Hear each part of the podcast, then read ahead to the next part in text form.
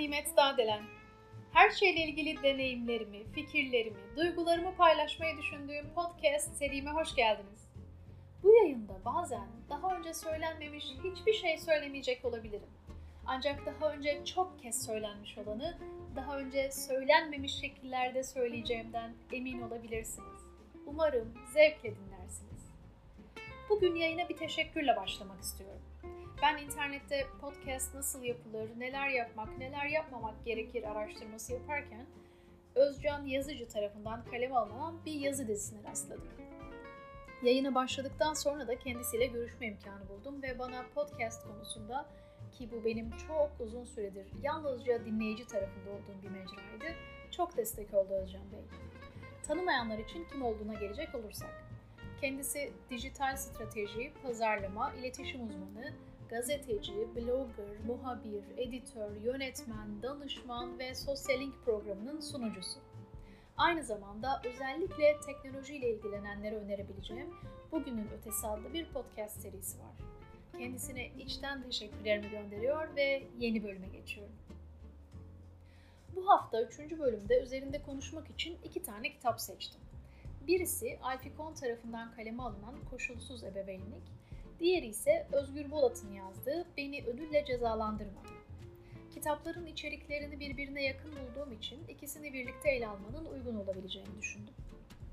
Doktor Özgür Bolat bir eğitim bilimci, araştırmacı ve yazar. Genç yaşta çok sayıda başarıya imza atmış bir isim. Ülkenin birçok kentinde seminerler düzenleyerek daha fazla insana ulaşmayı hedefliyor. Ben de bir seminerine katılmış, kısa sürede kendisinden çok şey öğrenmiştim. Ayrıca Bolat, Anne Baba Okulu'nun kurucusu. Sosyal medya hesaplarından, mümkün olan her yerden Özgür Bolat'ı takip etmenizi öneririm. Hazırsanız başlayalım. Özgür Bolat kitabında birçok kavramdan söz ediyor. Bunlardan bir tanesi sosyal ödül nosyonu. Sosyal ödül cesaretlendirme, takdir etme, övme gibi davranışlar içerir. Çocukta övgüye bağımlılık ve onaylanma ihtiyacı yarattığı için çocuğa zarar verdiğinin ve ebeveynler olarak hızla bu davranışı terk etmemiz gerektiğinin altını çiziyor Bulat. Aslında şunu söylemek istiyor. Çocuğa sürekli aferin deyip durmayın. Bizim toplumumuzun ağzına pelesenk olmuş bir kelime aferin. 3 yaşındaki çocuk elindeki topu iki kere sektirdiği için aferin diyoruz. 6 yaşındaki çocuk takla atabildiği için aferin diyoruz. 9 yaşındaki çocuk tek basamaklı 3 sayıyı toplayabildiği için aferin diyoruz. Bence dememeliyiz. 3 yaşındaki çocuk basketbol topunu potaya yetiştirebiliyorsa diyelim aferin. 6 yaşındaki çocuk taklanın ardından bir de parenda atarak suya dalabiliyorsa diyelim aferin. 9 yaşındaki çocuk 3 basamaklı 3 sayıyı zihninden toplayabiliyorsa diyelim aferin sana. Yani zaten hali hazırda yapması beklenen bir şeyi yapıyorsa çocuk onu övmek veya motive etmek için kullanmayalım bu kelimeyi. Hatta bence hiç kullanmayalım. Çünkü bu kelime ve bu tutum çocuklarda bağımlılık yaratıyor. Çocuk aferin delisi oluyor. Bir süre sonra artık nefes alsa takdir bekliyor ebeveyninden. Her hareketinin onaylanmasını istiyor. Ödül bekliyor her an. Ve şöyle bir durum çıkıyor ortaya. Çocuğa sürekli ödülle, aferinle iş yaptırırsanız çocuk başta heyecanlanıyor onay almak için o işi yapıyor, ödülüne ulaşıyor. Yani aferinle alıyor ama bir süre sonra o heyecan sönüyor ve sizin çocuğunuza herhangi bir şey yaptırmak, heyecanını yeniden uyandırmak için her defasında daha büyük ödüller vermeniz gerekiyor. Bunun sonu yok. O çocuklar elindekinin kıymetini bilmeyen, tatminsiz, mutsuz bireylere dönüşüyor. Bunun psikolojideki karşılığı hedonistik adaptasyon. Yani kişinin sahip olduğu hiçbir şeyden mutlu olmadığı o noktaya geri dönmesi. O halde şöyle bir çıkarım yapmak mümkün. Dış motivasyon yani başkalarının sürekli aferin aferin aferin demesi hem iç motivasyonu öldürür hem de kişinin kendini motive etme kapasitesini azaltır. Bu da çocuğun sorumluluk bilincinin gelişmesini engeller. Çocuk sürekli etrafındakilerden onun için bir şeyler yapmalarını bekleyen kendi sorumluluklarını yerine getirmeyen ya da getiremeyen bir insan haline gelir. Kendi problemini çözemeyen, onun adına başkasının çözmesini bekleyen bir çocuğa ve ileride de bir yetişkine dönüşür. Problemleri ve çözümleri kendi kontrolü dışında görür. Bu da çocuğun liderlik kapasitesini zayıflatır. Çocuk öğrenme eğilimi düşük, planlama becerisi zayıf, bireysel girişkenlikleri yetersiz, otoriteye itaat eden, öz denetimi düşük bir kişi olarak çıkar karşımıza. Peki biz ebeveynler olarak böyle çocuklar yetiştirmek istiyor muyuz? Mutsuz, pasif, pasif agresif, kontrolsüz, saldırgan, başarısız, stresli, aferin delisi.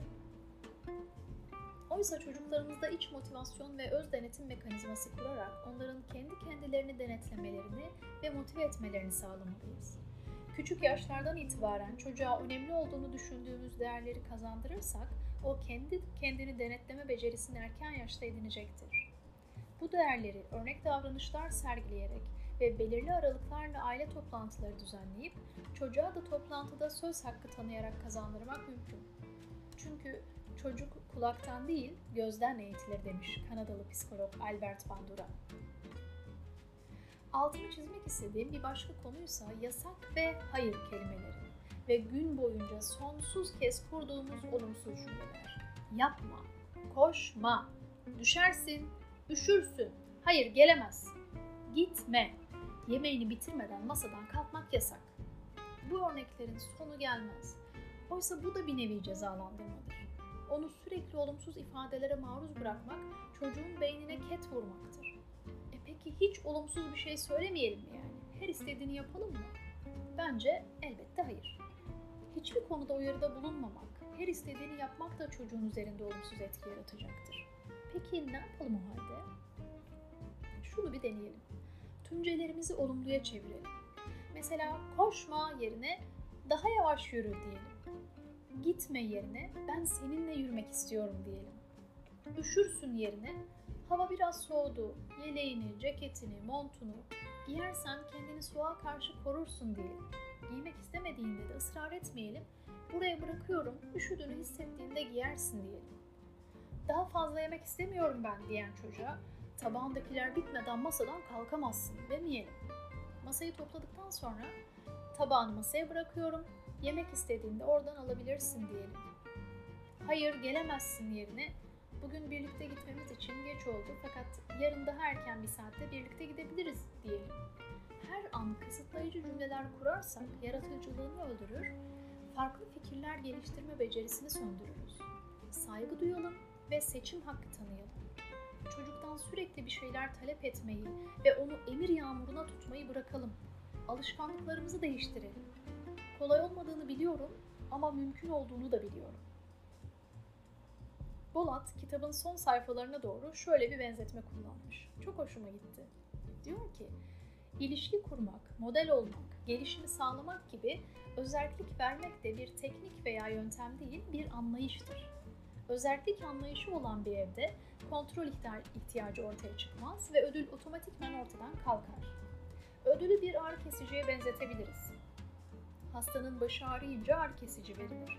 Özellik olmayan ev hasta bir evdir ve ödül de ağrı kesici olarak kullanılır. Özellik olan bir ev sağlıklı bir ev olduğu için baş ağrısı olmaz. Doğal olarak ağrı kesiciye gerek kalmaz. Çok hoş bir benzetme. Biraz da Alfie Kohn'un bu konulara hangi pencereden baktığını göz atalım. Alfie Kohn'a göre iki türlü ebeveynlik var. Biri koşullu, diğeri koşulsuz ebeveynlik. Koşullu olan da zorlantılı, şarta bağlı bir çocuk ebeveyn ilişkisinden, koşulsuz olandaysa sevgi temelli bir ilişkiden söz etmek mümkün. Koşullu olan da aileler itaatkar, söz dinleyen, uslu olan, her söylenileni yapan çocuklar büyütüyor. Koşulsuz olandaysa aileler öz disiplini ve öz saygısı yüksek, bağımsız fikirler üretebilen, saygıyla itaat arasındaki farkı özümseyebilen, özgüvenli, başkalarını umursayan ama sınırlar çizebilen bireyler yetiştiriyor. Evet, birinde çocuklar büyütülüyor, diğerinde bireyler yetiştiriliyor. İtaatkar, başarılı, her konuda iyi olması beklenen, yaşı iki haneli olan ergenlik dönemindeki bir çocuğu ele alalım. Eğitimci, danışman, yazar Polat Doğru'nun bir programda ergenlik için şu ifadelere benzer ifadeler kullandığını hatırlıyorum. Ergenlik, ebeveynliğinizin en üst seviyede sorgulandığı, sınavdan geçirildiği dönemdir. Bu dönemi kendinin ve çocuğunun sancısız bir şekilde geçirmesini sağlayan ebeveyn altın madalyayı hak etmiş demektir. Bu dönem çocukların en kırılgan oldukları dönemdir. Başarıya en az zorlanmaları gereken yaşlarda fiziksel değişimlerini, yaşadıkları, bedenlerini, cinsiyetlerini, karşı cinsi keşfetmeye en meraklı oldukları yaşlarda maalesef ülkemizde adı ve içeriği defalarca değişen, en güncel haliyle LGS olan bir sınava tabi tutuluyorlar. Yüksek not almak öğrenmenin önüne koyuluyor. Çocuğumuzu iyi not almaya zorlayarak kusurlu bir hedefe ulaşmak için arızalı bir yöntem kullanıyor, zararı iki katına çıkartıyoruz. Bu zorlanma birçok gencin ruhsal sağlığını bozuyor. Depresyon ve kişilik bozukluğu gibi ağır tahribatlara neden oluyor. Aile, notların yüksek olduğu zaman, basketbol takımında en çok sayıyı atan oyuncu olduğun zaman, yani başarılarınla hava atmamı sağlayacak herhangi bir şey yaptığın zaman seni daha çok seviyorum tavrı içinde olursa koşullu sevgiyi ön planda tutmuş oluyor. Bu da çocuğun mutsuz ve başarısız olmasını garantiliyor. Oysa ailesiyle olumlu ilişkiler geliştirebilen, kendinden hoşnut, ailesi tarafından zorlanmayan, birlikte belirlenen hedefe ulaşma yolunda ailesi tarafından desteklenen çocuklar başarıyor.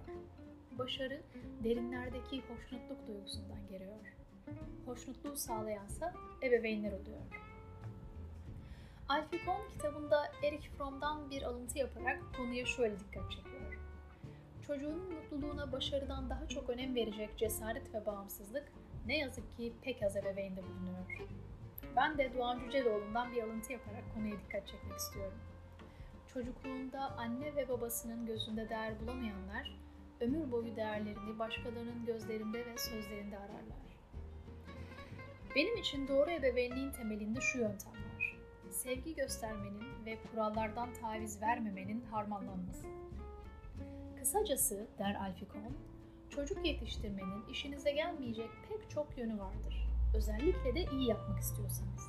Eğer boş zamanınızdan fedakarlık etmeye hiç niyetli değilseniz ve evinizin sürekli sessiz, sakin, temiz kalmasını istiyorsanız belki de çocuk yerine balık yetiştirebilirsiniz.